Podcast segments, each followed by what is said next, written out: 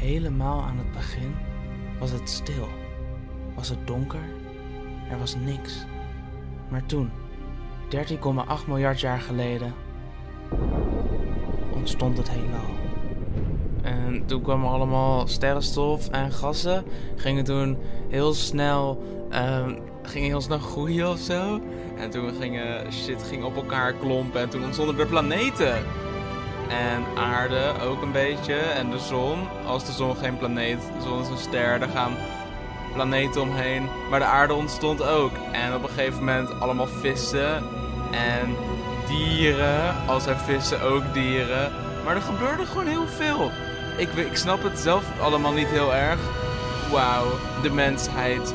Wat een spektakel. Alles leidde naar het moment dat jij deze podcast luistert. Welkom bij Laatpraat. Pas op, deze podcast is niet voor vissen en niet voor kinderen.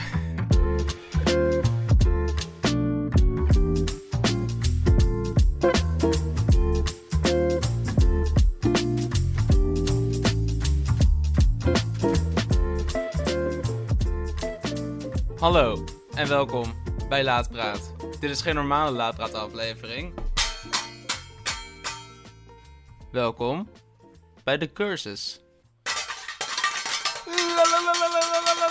Hoe krijg je buren een teringhekel aan? Stap 1. Pak twee pannendeksels. Stap 2. Begin een podcast. Stap 3. Zorg dat je trouwe luisteraars krijgt. Jij bent de trouwe luisteraar. Jij bent mijn stap 3, baby. Stap 4. Schrijf een factuur uit voor alle luisteraars omdat ze meedoen aan de cursus. Geen zorgen. Dit is gratis voor jou. Je kan gratis luisteren. Je kan gratis meedoen aan deze cursus.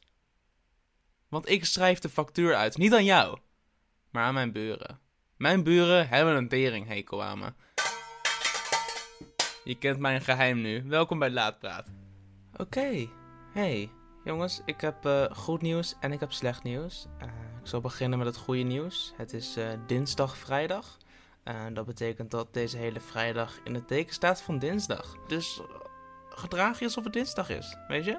Um, het slechte nieuws is, dit is de ene laatste aflevering van Laatpraat.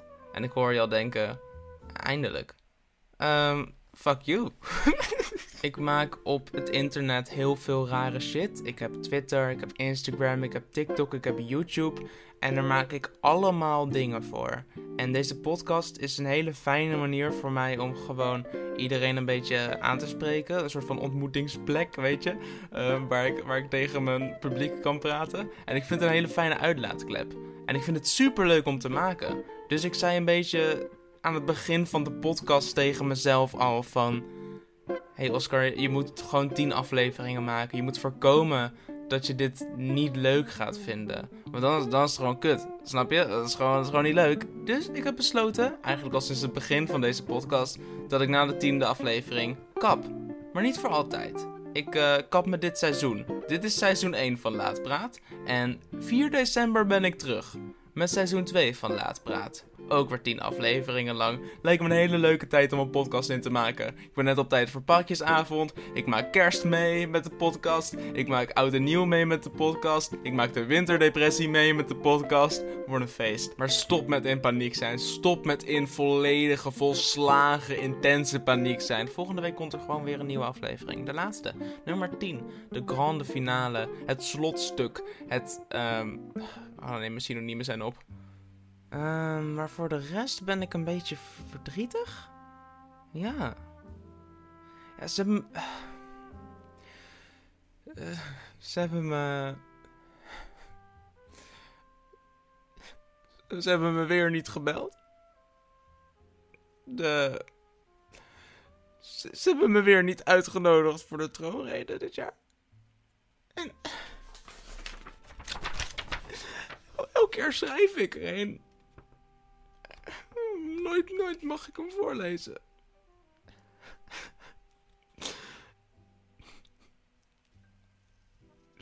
Wat heeft... Wat heeft, die man op die stoel? Wat heeft hij wat ik niet heb? Ik heb ook een plaatje met tekst. Nee, maar zonder grappen. Um, zou deze podcast heel saai zijn. Dus ik ga nu een grapje maken. Ik uh, ga proberen de tekst van de afgelopen troonrede, dus van de afgelopen week, te zingen op het melodie van het introliedje van Bruine Beer in het Blauwe Huis. Bruine Beer in het Blauwe Huis. Het kinderprogramma over de Bruine Beer in het Blauwe Huis. Nu met de troonrede van 2020. Leden van de Staten-Generaal.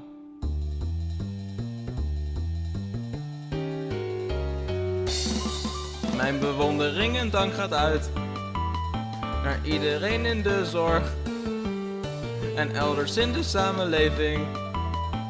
Al wat mogelijke deed om de coronacrisis het hoofd te bieden. Verpleegkundigen en schoonmakers, BOA's en defensiepersoneel, supermarktmedewerkers en mensen in het openbaar vervoer. Ik wil daarnaast mijn steun en medeleven betuigen aan en die door het corona zijn getroffen. Of die een geliefde moeten missen. Oh fuck, dit is zo, zoveel Oh, dit is zo'n pijnlijke tekst om te zingen op dit vrolijke... Het spijt me. Oh, dit is veel te vrolijke muziek voor deze tekst. Ik had dit moeten doorlezen voordat ik begon met zingen. Oh, het wordt er... Oh, sorry. Um, het spijt... Mijn oprechte excuses hiervoor. Oké, dus lettersoep. Dat is een ding, oké? Zitten we op één lijn? Lettersoep. We weten er allebei van. Soep met letters. So what? Eh? Stel je niet zo aan. Als je genoeg lettersoep koopt, Like echt heel veel. En je gooit het allemaal op de grond. In theorie is er een kans dat de gehele troonrede van 2020 op je vloer tussen de soep verschijnt. Deze theorie zou je kunnen vergelijken met de bestaande theorie dat als je een stel apen voor een typemachine zou zetten en je zou ze een hele lange tijd willekeurige toetsen in laten drukken, dat ze op een gegeven moment een kloppende volzin kunnen schrijven. Of zelfs na heel veel tijd en na heel veel geluk, heel Hamlet. Dat is de theorie. Zolang ze willekeurige knopjes indrukken, zolang je heel veel apen hebt die dat voor een hele lange tijd doen, op een gegeven moment kan je dan heel Hamlet krijgen. Dat maakt best wel sens, toch? Ze hebben het echt geprobeerd, een keertje, las ik laatst. Ik heb hier de Wikipedia-pagina voor me.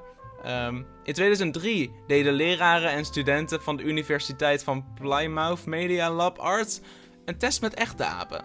Ze zetten gedurende een maand een toetsenbord in de nabijheid van zes kuifmakaken in de Paigonton Zoo. In totaal leverde dit slechts vijf pagina's aan tekens op, met name de letter S.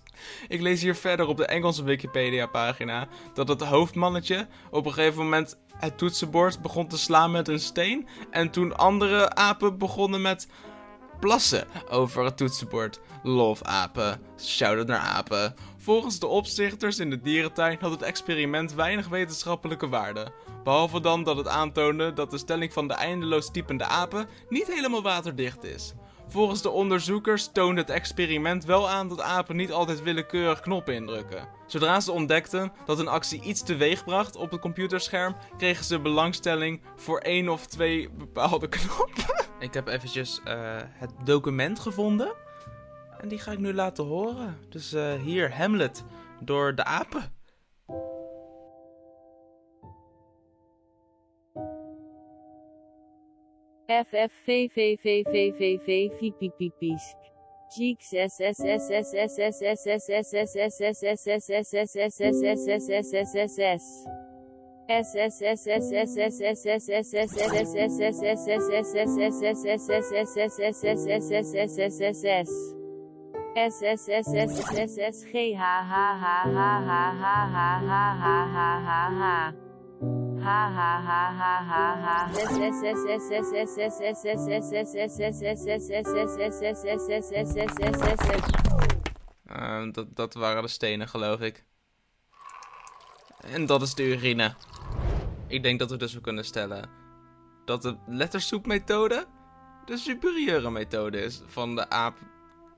aap-theorie.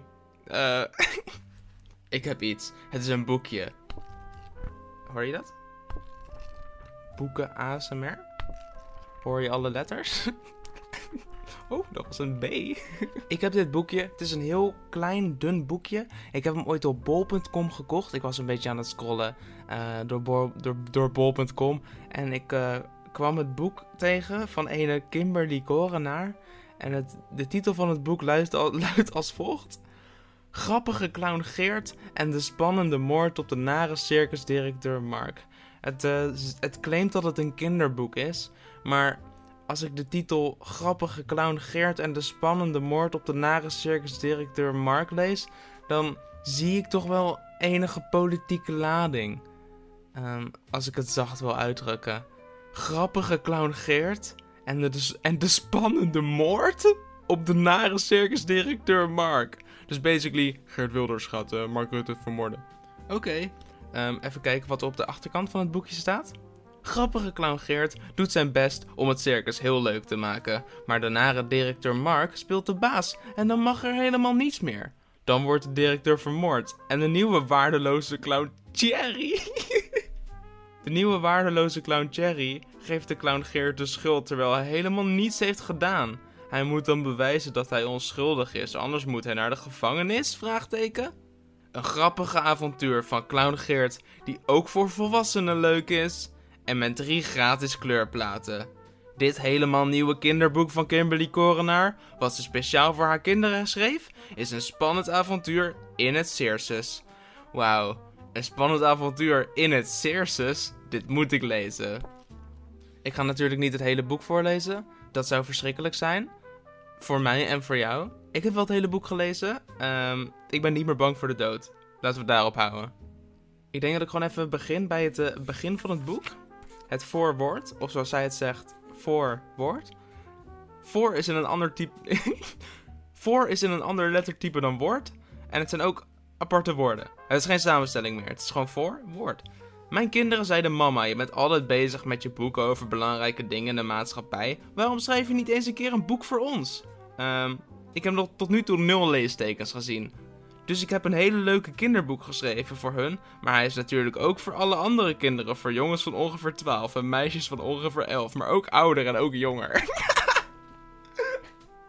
Hij is voor alle kinderen voor jongens van ongeveer 12 en meisjes van ongeveer 11. Maar ook ouder en ook jonger. Dus je had ook gewoon, je had ook gewoon niks kunnen schrijven, Kimberly. Het spijt me, maar ik vroeg ze wat ze wouden. En het moest spannend zijn, maar ook grappig. Dus het gaat over een grappige clown die Geert heet. En die iedereen aan het lachen maakt. En die dan iets spannends meemaakt in het circus met nare clown Cherry. En hun baas, de nare circusdirecteur Mark.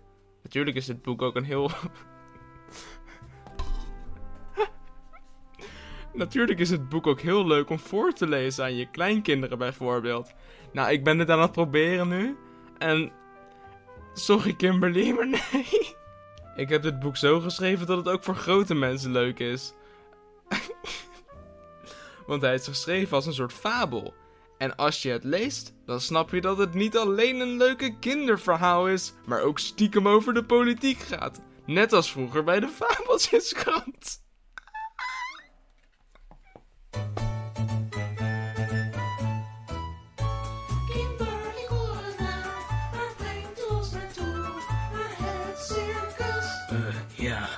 Circus.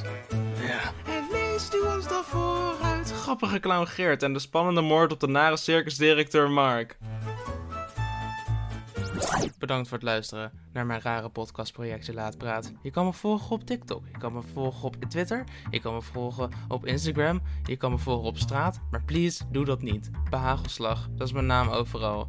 Uh, behalve het echte leven. Daar is mijn naam gewoon Oscar Behagel. Het heet Behagelslag, heet ik omdat ik Behagelslag werd genoemd, omdat mijn achternaam Behagel is. Um, volgende week ben ik er weer. Vrijdag. Dan is de laatste van het seizoen. Het spijt me, maar niet heel erg. Eigenlijk wel. Doei.